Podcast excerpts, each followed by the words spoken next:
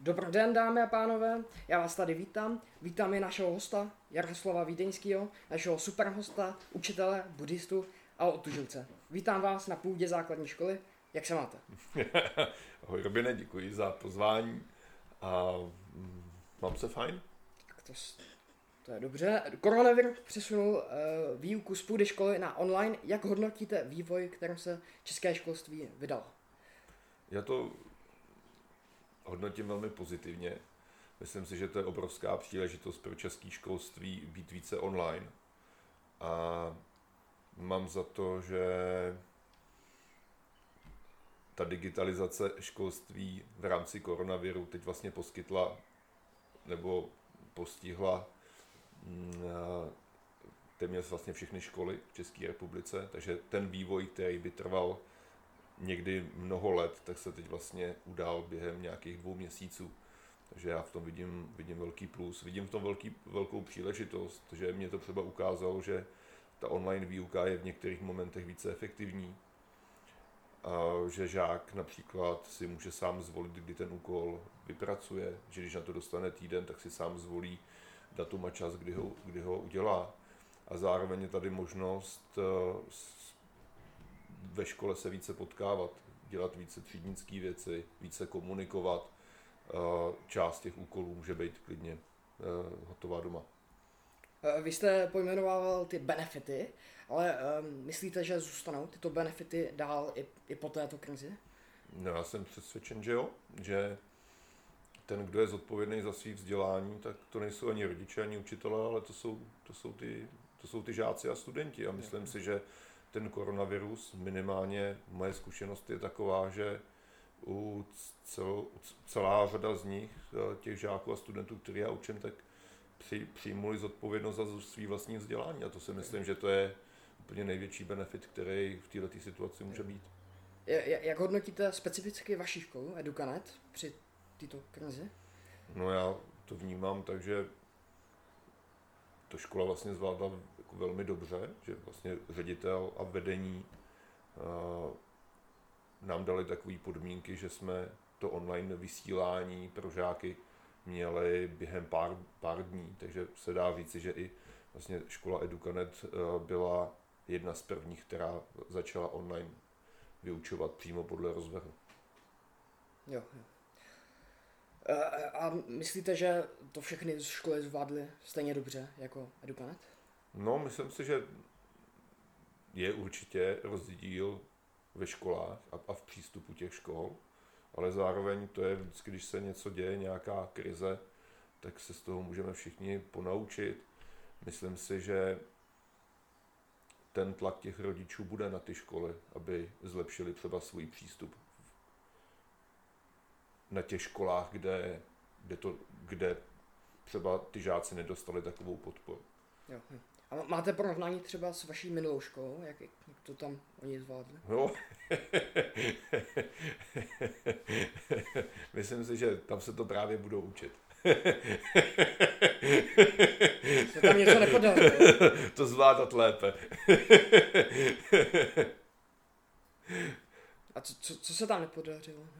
Myslím si, že eh, na, na bývalé škole, kde jsem byl, tak tam se to úplně jako nepodařilo eh, propojení toho online vzdělávání trvalo asi přibližně měsíc, tak to jako zabralo nějaký, nějaký čas a ne všichni učitelé se toho zúčastnili, jo, takže, jo. takže tak. Vy, vy, prosazujete, aby, vy prosazujete to, aby žáci na základních školách měli uh, volitelnost předmětů. Jak, jak by to vypadalo? Ale vy, vypadalo by to stejně tak, jako třeba, mám za to, že takhle na tom je založený americký nebo kanadský systém. Žák by si mohl zvolit obtížnost zeměpisu, třeba by se přihlásil v sedmý třídě, že chce chodit na hodiny zeměpisu a buď, buď by měl třeba jednu nebo dvě hodiny zeměpisu. Byly by tam různé úrovně, ať už je to zeměpis, matematika, český jazyk, daleko větší volitelnost těch předmětů, aby ten žák cílil na tu svoji dovednost, kterou má. A pokud ji ještě nemá, tak aby ji v rámci toho vzdělávacího systému v sobě prostě objevil. Aby ten každý žák na základní a střední škole zažil úspěch, aby rozpoznal svůj talent, který má. Jo, takže si student samotný zvolí um, to uh, úroveň. To, Může si zvolit úroveň. Určitého uh, předmětu. Ano. A tak, takže by se smíchaly jednotlivé třídy. No, mohlo by, se, mohlo by se stát, že by tam nechodili jenom třeba žáci té jedné třídy, jedno, jednoho ročníku, ale klidně by se tam mohli setkávat žáci klidně dvou nebo tří ročníků. Je, je to možný, protože si myslím, že to může být obohacující pro všechny. Eh, když se v jedné skupině setká 20 zájemců o zeměpis, tak samozřejmě je to posune daleko víc, než když máš třídu, kde třeba o zeměpis má zájem jenom, zájem jenom tři lidi. Jo? Takže je, je to podporující. Pro lidi, kteří třeba ten zeměpis tolik nebaví, tak tam může být nějaká snažší varianta. Hele, naučíme se prostě pracovat třeba s Atlasem, řekneme si něco o, o že tady máme nějaký jako navigace, na, naučíme se tak zběžně prostě nějaký státy světa a potom tady můžeme mít třídu třeba 20 lidí, který to opravdu zajímá a tam to může být úroveň třeba mezinárodních vztahů. Jo, můžeme to prostě posunout trošičku dál, ten zeměpis okay. a tu úroveň. A vy, vy prosazujete tuto volnost pro žáky, studenty. Musí to být vhodné pro všechny?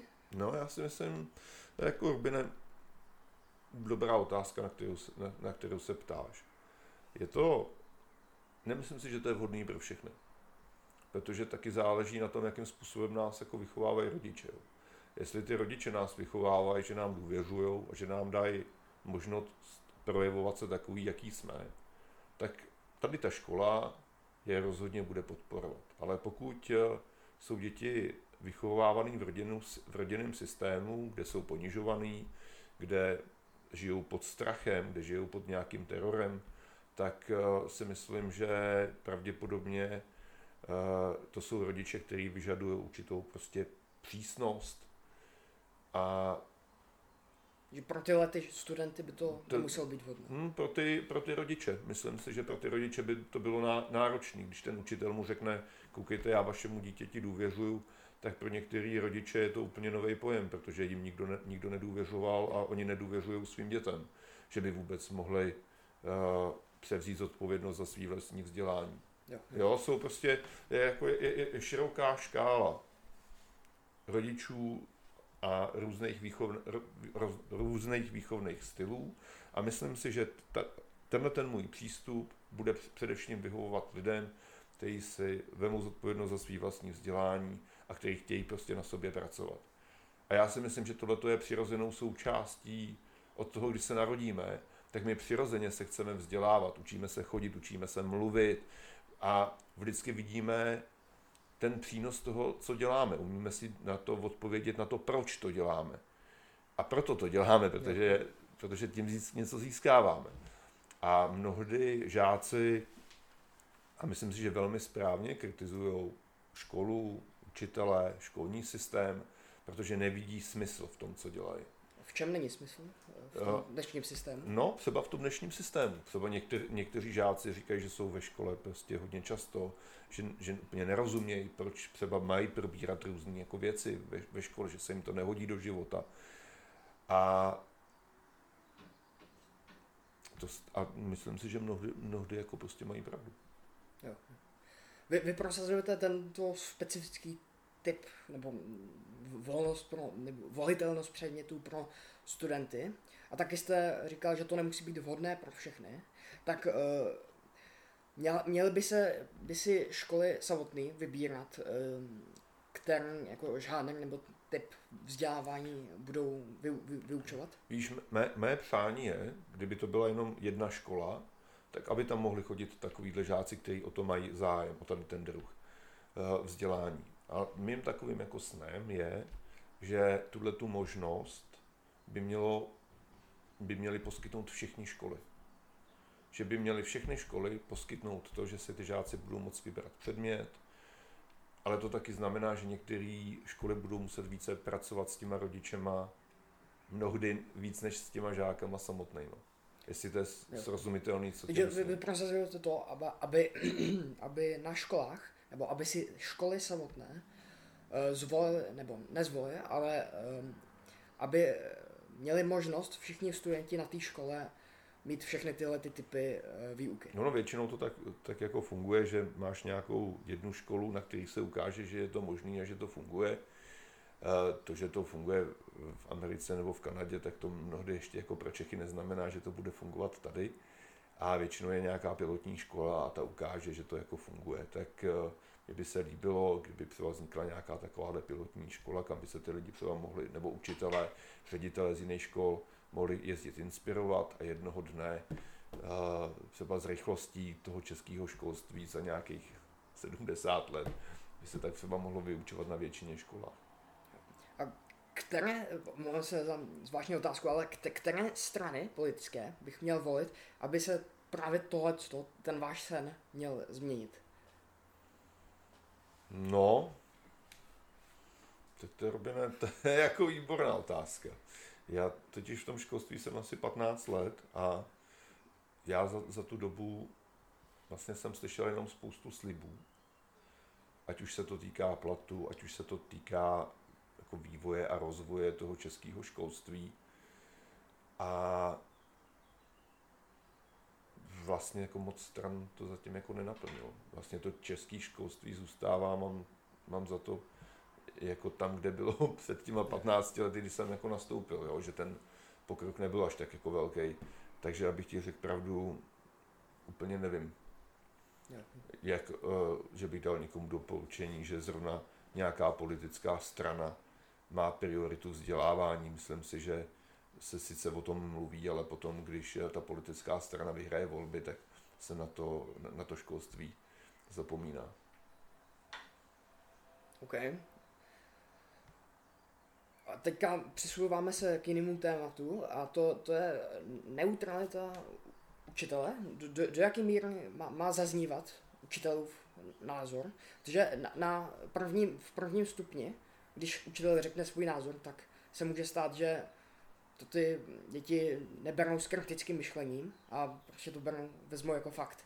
Jo, já to mám právě tak, že jsem neutrální, nebo pokud to je možný, tak mám za to, že ta hodina je od toho, aby tam především žák projevoval svůj názor, nebo aby se ho učil nacházet nebo formulovat. A že ten učitel, já, tam jsem od toho, abych těm žákům dával prostor na to. A ano, pokud se mě žák zeptá na nějaký můj názor, tak to samozřejmě můžu říct, ale ta priorita je na to, aby si ten žák měl takové podmínky, že si ten názor může třeba vytvořit on sám. Jo, jo. Vše, všechny školy jsou, eh, všechny děti jsou povinny chodit do školy, ale Mnohdy, když se některé zeptáte, zda je baví, tak, tak odpoví, že, že ne. Nemůže to být tím, že školní e, docházka je povinná? No, myslím si, že to je jako jedna z věcí, je samozřejmě, že teda, že je povinná, ale mám za to, že je důležitý, aby si školy, učitelé, ředitelé kladli otázku, co vlastně těm žákům můžou nabídnout. Jo. Aby v tom, že teda když jdou do té školy, tak aby v tom nacházeli smysl. Aby když jdu do té školy, tak aby to naplnilo nějaký potřeby, které já prostě mám v ten určitý věk. Abych v tom shledával něco, co, co má pro mě přínos. A myslím si, že potom i třeba ta povinnost by nemusela být tak, eh, tak náročná. Jak pro žáky, tak zároveň třeba i pro ty učitele. A co je náročné?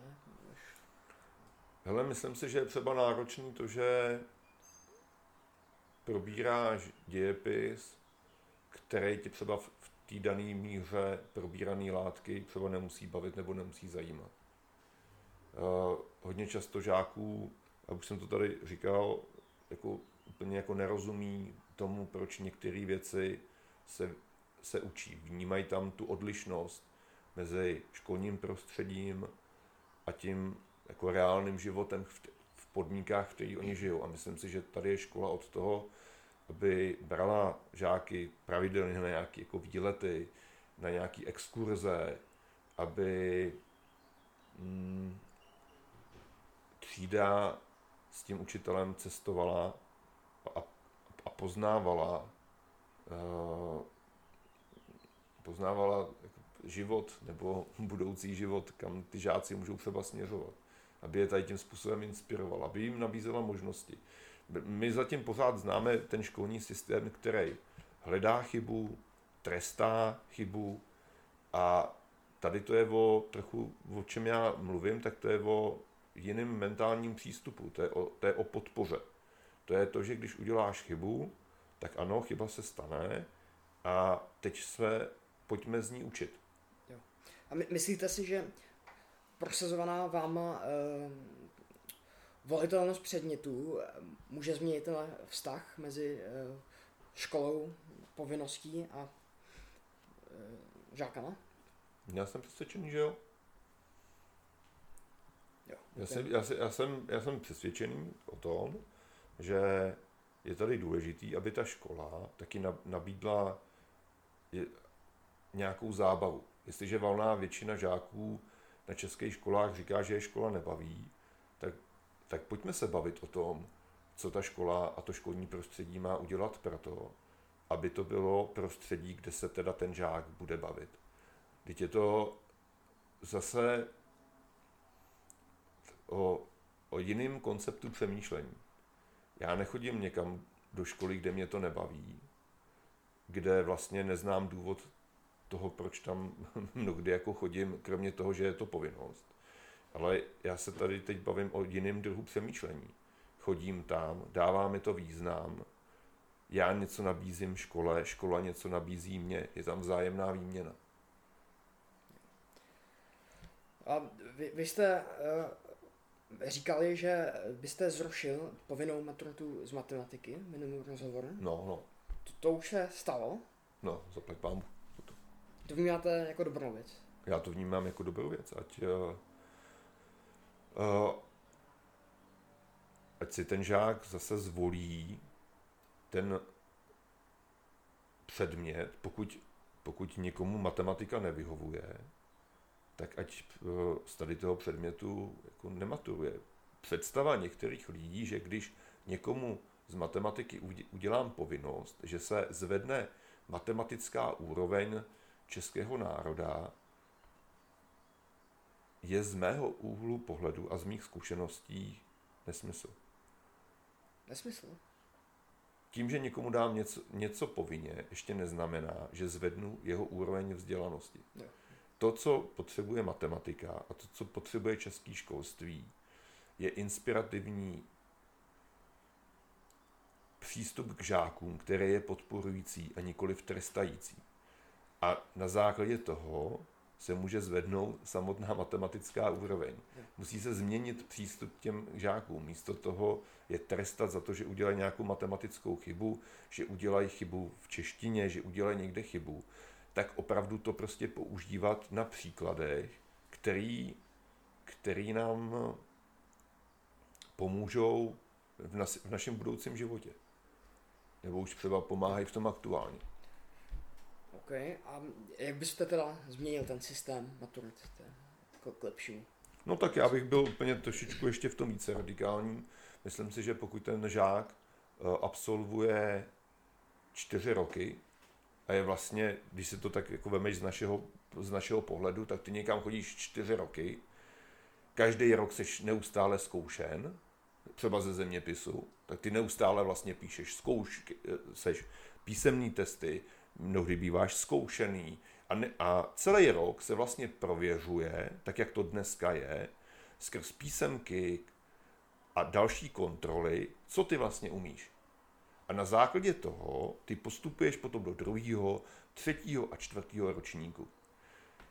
A potom jednoho dne jsme se nějakým způsobem domluvili, rozumím tomu, že to je česká tradice, ale zároveň je to tradice, která se může změnit na nějakou jinou tradici, v jeden den během 15 minut máš prokázat, jaký jsou tvý, do, tvý dovednosti a znalosti za čtyři roky. Ale ty už si je čtyři roky přece prokazoval. Ty si čtyři roky prokazoval, že ten zeměpis umíš. takže byste dával maturitu na základě známek v těch čtyřech letech. Ano, na základě, hele, hele, podívej se, jaký jsou tvoje výsledky, jak jsi pracoval, můžeš, myslím si, to, co škola by mohla těm studentům jako navrhnout, pokud se jim ten zeměpis třeba líbí, je udělat nějaký čtyřletý, třeba za nějaký zajímavý projekt. Něco, co posune zase znalost toho žáka prostě o nějaký level, level dál. A místo maturity z toho udělat třeba nějaký určitý takový jako obřad. Rozlučka, poděkování tomu žákovi za to, že, že tam čtyři roky docházel, že pracoval na sobě, protože pro mě jako učitele to není jenom práce na tom žákovi. Kdy ten žák a to setkávání s tím žákem nebo studenty přináší a obohacuje i můj vlastní život. A po těch čtyřech letech udělat, prostě se sejít, prostě poděkovat si, zase bych úplně vynechal to slovo zkoušení a prověřování. My jsme, my jsme tím úplně posedlí neustálým zkoušením a prověřováním. A místo toho si sednout s učitelama, sednout si s těma studentama, udělat to třeba otevřený pro rodiče a pro veřejnost a předníst nějaký projekt, něco, na čem si ten student čtyři roky prostě pracoval. Takže tohle jsou docela radikální změny ve školství. Eh, mm, žijeme v 21. století a pojďme se, přizp- pojďme se přizpůsobit na, jako na, na nový fungování. Já, já, když jsem byl ve vašem věku, tak jediný zdroj informací, který jsem měl, tak to byla městská knihovna. Já jsem nepoužíval internet, jsme nic takového jako neměli. A měli jsme, nedost, měli jsme nedostatek informací, které jsme si zjišťovali potom někde v knihovnách. A dneska se děje to, že vy máte spoustu informací z různých prostě zdrojů a my si je vlastně ty zdroje a ty informace vybíráme. A, a tak pojďme se k tomu jako přizpůsobit. Ta maturita vznikala v době, kdy ty žáci ty informace tolik neměli. Takže si myslím, že tak, jak se mění doba, tak by se měl přece i měnit a přizpůsobovat vzdělávací systém. Jo, takže byste vzdělávací systém přizpůsobil tak, aby um, se žáci naučili zpracovávat informace, hmm, ano. nežli se je učit ano. Uh, samotný ano, informace. Ano, Pojď, pojďme se bavit o různých informačních zdrojích, pojďme se bavit o nějakým kritickým uvažováním a myšlením, co mi to ten zdroj říká, co mi přináší. Jo? Pojďme se orientovat v těch, těch zdrojích. A nebo taky se učme, což je velká novinka, uh, ty zdroje jako vypnout. Na chviličku vypnout mobilní telefon, vypnout televizi, odpojit se od toho internetu a chviličku být sám, sám se sebou. A to je, to je, to je zase taky jako další, další kvalita, kterou ta škola třeba může jako poskytnout. My jsme tady žá, žákům s kolegou uh, poskytli, jmenoval, se to jako elektronický detox, že jsme s žáky na několik dní vyjeli, uh, jsme si pronajali hrad, tam žáci tam prostě pečovali, pečovali o hrad. A my se učíme vlastně jako žít, odpojit, na chviličku se odpojit od těch, od těch informací, od toho vyrušování elektronického. A taky, když se na to podíváte, proč se to, má, proč se to žáci třeba mají učit, je to, že když se na to podíváte, tak jako zjistíte, že roste počet poruch, roste počet depresí. Jo? Škola se má zaměřit na to, aby ten žák vedl vnitřně kvalitnější život. OK, a byli byste pro um, zařazení do um, jednotlivých předmětů i kritické myšlení ve školách? No tak to já, to já už beru, že to kritické myšlení je úplně součástí všeho, co děláš. Jo, že vlastně to, je, to je kritické myšlení je, je, je součástí jakýhokoliv předmětu. Jo. Vy, vy jste mluvil předtím o benefit. Já bych ještě k tomu něco chtěl říct. Kritické myšlení pro mě znamená to, že když mi někdo něco říká, tak já ho za to respektuju, že mi to říká, ale já si tu informaci prověřím svojí vlastní zkušeností. Jo. Jo. To, je, to je pro mě jako kritický, že, že, že ano, že, že respektují autority, ale zároveň to souvisí s tím, že si v tom hledám svůj vlastní zkušenost. No. Vy jste předtím říkal, že uh, o různých benefitech uh, této krize, v tom, že se to přesunulo do digitálu, tak uh, měly, by, měly by se telefony, mobilní telefony více zakomponovat do té výuky na školách? No já si myslím, že, jako, že rozhodně jo. Jako žijeme v informační době a telefon, když je součástí našeho života, tak má být přece i součástí výuky. Jo? Takže já jsem jako rozhodně proto, aby jsme mobilní telefony v rámci eh, školy a školní docházky používali. A zároveň je tam něco, co ta, zase ta škola může naučit v rámci nějakého zdravého přístupu k sobě samotnému. A to je, hele, jednou za čas prostě ten mobilní telefon vypneme, jednou za čas vyjedeme prostě do přírody. Jaký to je, když jsem odpojený od internetu? Jaký je to pro mě, když jsem na chviličku odpojený od toho, od toho mobilního, mobilního signálu?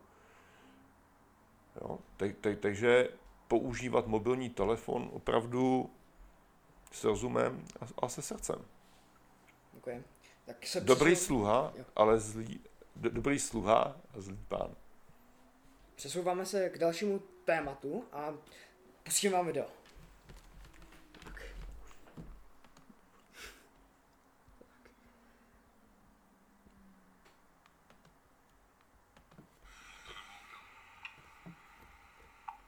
Jo, to je, jak jsem s motorovou pilou a rozřezávám led.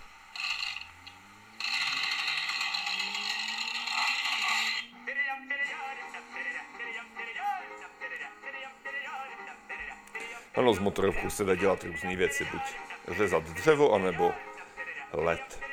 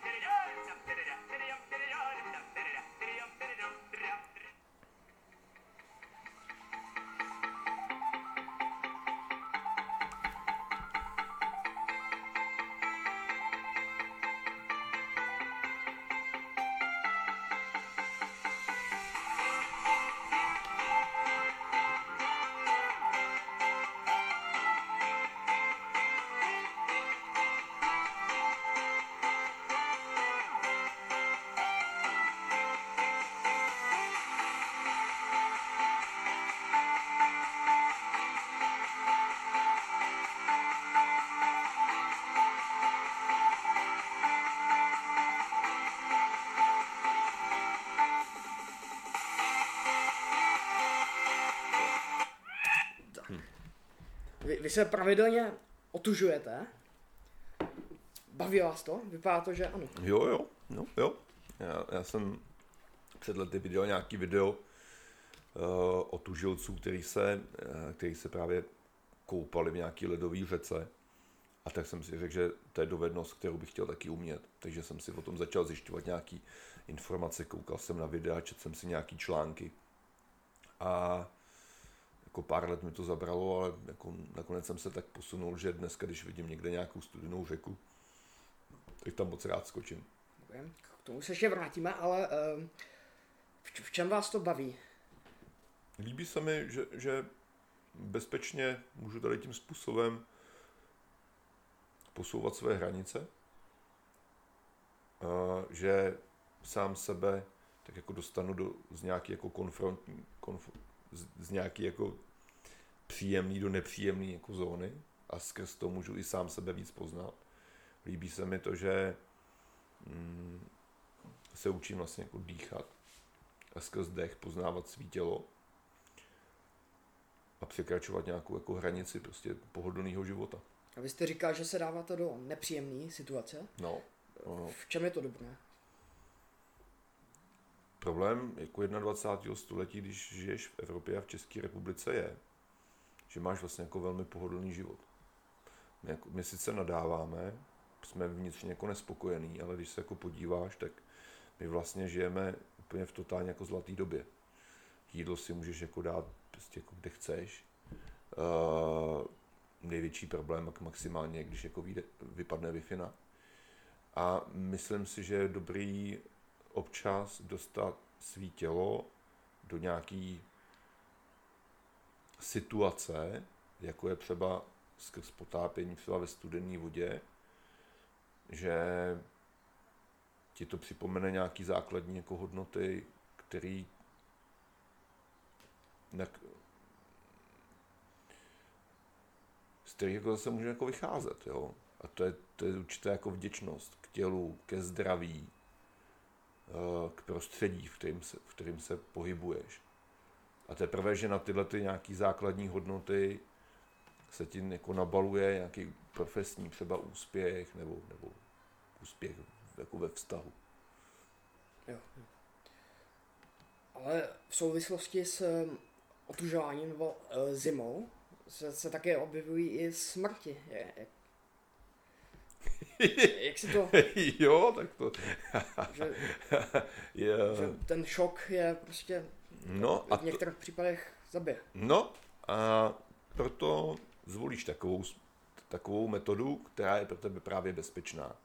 A bezpečná metoda je o tom, že pracuješ s dechem, že do té studené vody jdeš teprve postupně, že třeba na poprvé do té studené vody ani nemusíš vlíst, že jenom chlad, který máš na svém těle, už je třeba jako takový jako dostatečný jako vykročení do nějaké jako nekomfortní zóny.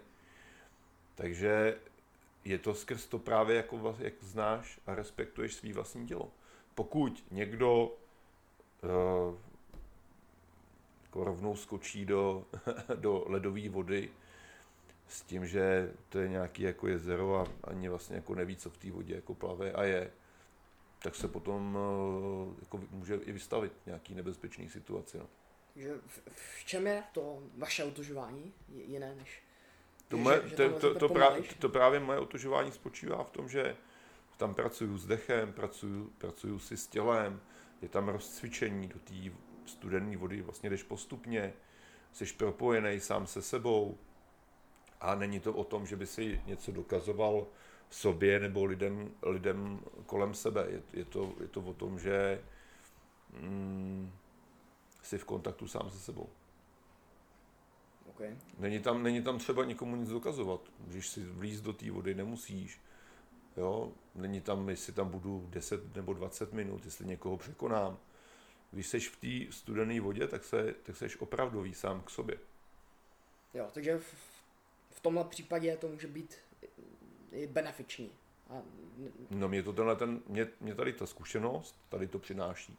A samozřejmě jsou lidé, kteří hledají různé zkušenosti a mě tady to připadá jako uh, zkušenost, která je bezpečná a která dokonce i je zdravá a zvyšuje moji imunitu a imunní systém. Tak Přesouváme se k úplně jinému tématu a tím je uh, buddhis, buddhismus. Vy jste také buddhistou, tak co je to buddhismus? Víš, tam je právě jako hezký, že uh, jako buddhismus to je nějaká škatulka, kterou udělali Evropané. Uh, Buddha, asi kdybys mu řekl, že, že byl buddhista, tak by se asi tomu smál. On totiž jediný, co říkal, je, jak se věci mají. Že svět, vnější svět si vytváříme na základě toho, jak ty věci prožíváme. Že vnější svět vytváří naše mysl. A konkrétně, co ti mám říct, nebo co ti chci říci. Když venku prší a nechce se ti do práce, tak eh, to prožíváme, nebo můžeme to prožívat jako určitý druh utrpení. Když ale venku prší a ty jdeš do práce a v práci jsi zamilovaný do hezké kolegyně, tak uh, si myslím, že to celá řada lidí může prožívat jako určitý stav štěstí, protože najednou nevadí, že tolik prší, najednou nevadí, že jdu do práce. A Buddha předal nástroj a to je meditace a díky té meditaci můžeš tento svět prožívat jako velké, jako velké štěstí 365 dní v roce. Můžeš být radostný, můžeš být uvolněný, můžeš si to užívat, že tady jsi, protože se tolik nepřipoutáváš k těm vnějším, je, těm vnějším jevům. A co, co to tady je, když to není buddhismus? Je to, jak se věci mají. Není, není to žádná škatulka. Možná pro Evo, Evropana to bych ještě řekl, tam, kde končí psychologie, tak tam začíná meditace, tam, tam, tam začíná, jak se ty věci mají. Je to práce s myslí.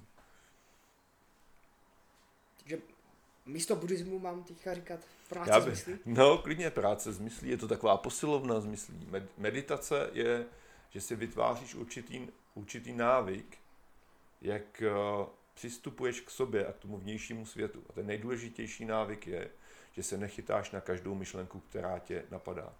Protože když se chytáme na své myšlenky, tak si myslíme, že svět je špatný, můžeme si myslet, koukej, hele, tamhle to je dneska můj kamarád a za dva roky už to kamarád být nemusí. Eh, Zá, naše štěstí mnohdy pro Evropana záleží na vnějších podmínkách. A to je velmi náročný být potom šťastný. Abych byl šťastný, tak musím být úspěšný v práci. Abych byl šťastný, tak musím mít seba partnerský vztah. Abych byl šťastný, tak to znamená, že musím mít zdravý tělo. Abych byl šťastný, tak to znamená, že mě musí mít, uh, mít rádi rodiče. Abych byl šťastný, tak to znamená, že mám kamarády, který mě respektují takový, jaký jsem. A teď mi řekni, kdo to má. To moc lidí jako nemá. Protože ty lidi řeknou, no tak já budu šťastný, až se tohle to stane. A nebo to můžu udělat z jiného konce, a to je to, že si řeknu, víš co, já budu šťastný teď a tady. Já už teď a tady, přestože mě třeba rodiče neocenují, přestože zatím nemám tu práci, kterou bych si třeba přál, přestože zatím nemám tu přítelkyni, tak já teď a tady jsem šťastný. Moje štěstí nezáleží na vnějších okolnostech, ale mé štěstí záleží jenom na mě samotným, na mým vlastním rozhodnutí. A to je něco, co Buddha prostě přines. To je to, že jsi zodpovědný za svůj vlastní život a za svůj vlastní stav mysli a svýho štěstí. Jste také spoluzakladatelem, spoluzakladatelem mluvím se eh, buddhistického centra v Mnichově hradišti. Jo, jo, ano. Co se děje v takovém centru? tam se schází lidé, kteří mají stejné hodnoty. To znamená, že chtějí pracovat se svojí myslí. A to centrum všem těm lidem poskytuje bezpečný prostředí, kde se můžou potkávat, kde můžou meditovat. A já bych řekl, že pro mě buddhistický centrum znamená přátelství a metody, které všichni používáme stejný, které vedou k rozvoji, k našemu vlastnímu štěstí. Takže eh, také se tam medituje? No tak. Set, setká, setkáváme se tam a zároveň tam samozřejmě meditujeme. To je, co je to meditace? meditace to je práce s myslí. K, v, v buddhismu, v tibetském buddhismu je to tak, že máš většinou jasně jako daný text, je tam fáze, kdy uh, se soustředíš na dech, potom je tam fáze, že si můžeš před sebou vizualizovat, kdo ho můžeš vidět nebo nemusíš budhu. A potom je tam nějaká fáze rozpouštěcí, kde úplně všechno jako rozpustíš. To, co je hodně důležitý, je, že ten Buddha je určitý aspekt eh, naší, naší vlastní dokonalosti. Co tím konkrétně myslím? Když se podíváš na Budhu, tak eh, Buddha eh, v nikoho v, nás, nebo minimálně ve mně, vyvolává takový jako obraz, že pohodovýho týpka, který má příjemnou atletickou postavu a minimálně ten jeho životní příběh, to, že vlastně nakonec dosáhl štěstí, tak je pro mě natolik inspirativní, že já a zjišťuju, že i třeba další přátelé se vydávají tady tou cestou. Okay, a co se děje, když meditujete? Co se děje, seš mnohem uvolněnější, více se směješ, um, jsi spokojenější. Takže to se, to, se, to se děje, to je, to, je, to je výsledkem té meditační praxe. Je, že jsi vnitřně svobodnější a spokojenější člověk. OK. Uh, tak jo, přesouváme se uh, ke hře Call of Duty. Jo, jo. Jak to spadá k buddhismu? a to je zábava. Jednou, jednou za čas si moc rád uh, hraju Takže jednou, jednou za čas si zahraju počítačovou hru. Eh, to, že eh, někdo prostě medituje, nebo že já medituju, tak to neznamená, že jsem nějaký jako odtržitý člověk od, eh, od života. Chodím normálně do práce, mám rodinu, jezdím na výlety, hrát si zahraju počítačovou hru. A je to nějaká prostě moje, moje zábava. Je to příjemný relax. Jaký máte rank?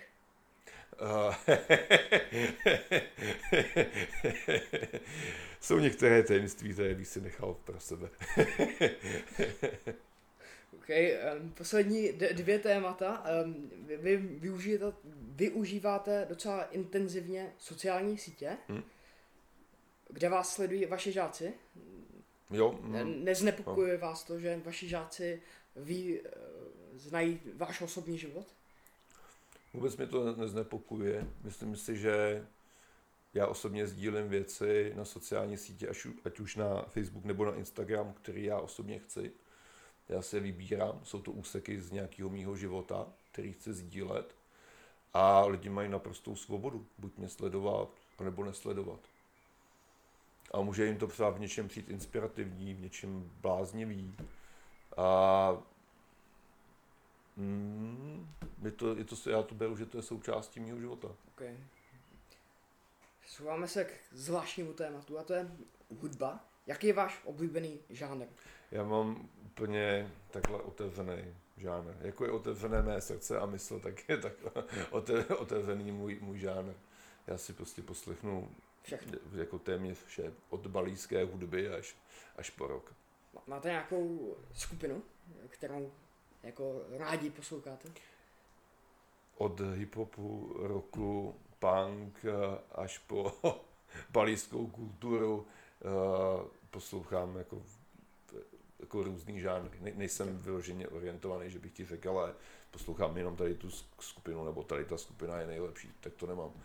Tak jak, tak jak se třeba ráno cítím, tak jak jsem naladěný, tak na základě toho si něco poslechnu nebo si něco najdu, nějakou hudbu.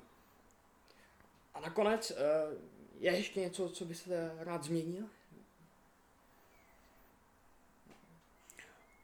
No, mám takový přání, aby v této evropské civilizaci lidi nalezli sami sebe, aby nalezli svoji vnitřní svobodu, svoji vnitřní spokojenost, svoji vnitřní štěstí, nějakou svoji vnitřní blaženost. A aby si tenhle ten život, který tady vedeme a který je velmi krátký, tak aby si ho užili. A já mám za to, že takhle vedu svůj vlastní život a pokud takhle někomu, někoho dalšího inspiruju, tak je to pro mě příjemné. Úplně, úplně na závěr, co vás teďka baví? Má nějakou knihu, článek, nějaká hra? No, mě baví žít. Život vás baví? Mě baví jen tak žít mě baví teď tady jen tak sedět, jen tak si s tebou povídat a jen tak být a pozorovat svět a, a lidi kolem sebe. Být, sedět ve vlastní blaženosti a spokojenosti a skrz tuhle tu blaženost a spokojenost a radost v srdci vnímat na ten svět. Děkuji vám za rozhovor. Děkuji. Dík. Tak jo. Vodka. Vypni. Pak střídnu. Tak jo, díka. Super. Super. to je toho mikrofonu? Jo. Kolik stojí takový mikrofon? Litr asi. Tenhle? Ten trochu víc, tak tři. To si kupuju. Hezky. To super. A je k tomu nějaký software? Nahrávací? Jako software k tomu musíš mít? No, ne, ne, jako na, na Microsoftu máte, máte prostě voice record. Tak, jasně, jasně. Tak to prostě Není zas, to... zastrčíte do a, USBčka. A pust mi to, jaký to má zvuk. Uh, lepší než telefon, že jo? Zvuk, já to pak